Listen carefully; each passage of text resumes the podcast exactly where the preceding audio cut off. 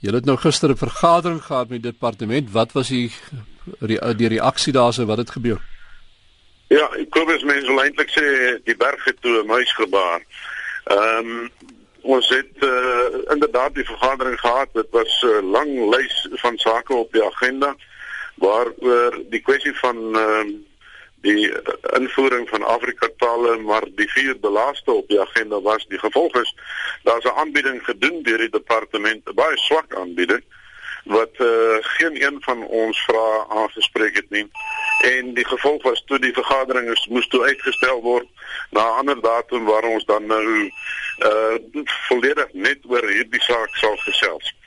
Ehm um, die die een uh, positiewe ding wat ek daarom vir die Afrikaanse luisteraars kan sê is dat daar klaarblyklik 'n uh, algemene konsensus was dat Afrikaans beskou sou word as 'n inheemse Afrika taal.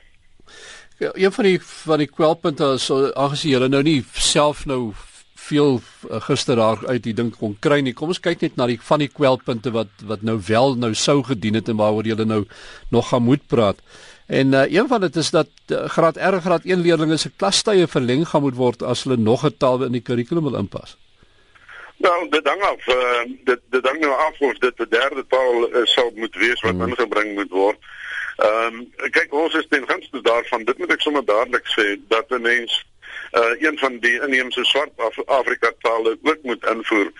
Die kurrikulum maak op die oomblik voorsiening net vir vier vakke in graad 1 byvoorbeeld. Uh en daar word spesifieke tye toegeken wat aan daardie vakke gespandeer moet word. Nou twee van daardie vakke moet totaal wees. As jy in Afrikaanse medium skool is waar Engels uh soos dit deesdae bekend staan as eerste addisionele taal aangebied word, sal dit beteken dat jy nou vak, vyf vakke gaan aanbied in plaas van uh vier vakke en dat die skooldag dan verleng sal moet word. Nou goed, dit kan uh, seker sekerlik maklik gebeur maar uh, dan moet beheerliggame eers die geleentheid hê om met ouers te gesels daaroor en uh, ouers se insette te kry of hulle ten gunste is van so 'n verlenging van die skooldag. 'n Ander vraag bly nog maar die die onderwysers, die beskikbaarheid van onderwysers. Ons nou vir Dr. Darling ook nou daar gehoor wat sê ook dat uh jy weet om 'n taalonderwyser te wees verg geweldig baie om 'n goeie een te wees. En ons het gehoor die departement sê nee man, ons het ons het 'n klomp onderwysers wat beskikbaar is om die ding te doen. Maar ek wil teruggaan na dokter Downing se stelling. Jy moet 'n besonderse kundige mens wees regtig om 'n taal aan te bied en gaan ons in die afsienbare toekoms so 'n besluit kan deurvoer met die onderwysers wat nou beskikbaar is. Uh sonder twyfel is daardie onderwysers nie beskikbaar nie. Kobus, dit is net eenvoudig nie waar om te sê daar is uh onderwysers beskikbaar nie. Daardie onderwysers wat dalk beskikbaar mag wees is onderwysers wat bootallig is in die Oos-Kaap en in Limpopo. Hoekom hulle in die Wes-Kaap en in die Vrystaat uit uh en dan is hulle nie noodwendig opgelei om spesifiek taal as vakke aan te bied nie. Maar ek stem met haar 100% saam. 'n uh, 'n uh, taalonderwyser is iemand wat 'n besondere liefde vir die vak moet hê en ook 'n besondere passie vir die vak om dit effektief te kan aanbied en oor te dra.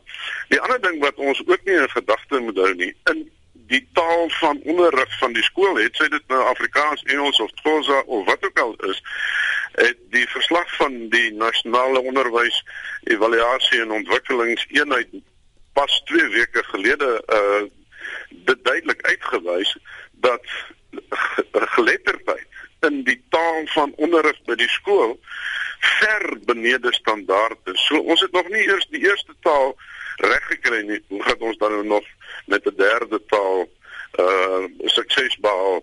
Die as mense meer tale sou wil invoer, sou mense verwag dat ons op standaard of ver bo kan standaard moet wees met die eerste taal wat aangebied hmm. word by die skool en dit is ongenaamd nie die geval nie.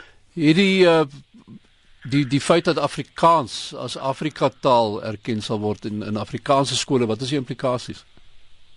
Wel, die implikasie is dat dat ehm um, dit sou beteken dat uh, daar reeds 'n Afrika taal aangebied word by baie skole in Suid-Afrika waar Afrikaans of die taal van onderrig is of dan die alternatiewe eerste addisionele taal. So daar sal dan geen effek wees by daardie skole nie. Maar die gedagte is klaar blyklik nie dat uh, dit um, net Afrikaans moet wees nie en daardie debat sal ons dan nou juis moet voer by die volgende vergadering wat ons gaan hê. Is as as ons nou gaan kyk na uh, die implikasies hierso en en die manier hoe mense hierdie ding gaan deurvoer.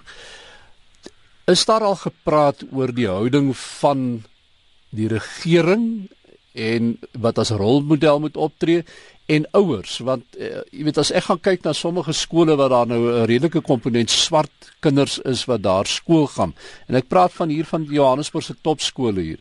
Een van die probleme wat baie van hulle het is juis om kinders te kry om genoegsaam belang te stel om hulle eie taal op daai skool te loop. Ek weet van een Engels medium skool waar hulle 'n Zulu onderwyser moes laat gaan want die Zulu sprekende kinders stel nie belang om daardie taal te neem. Hulle neem Afrikaans en Engels.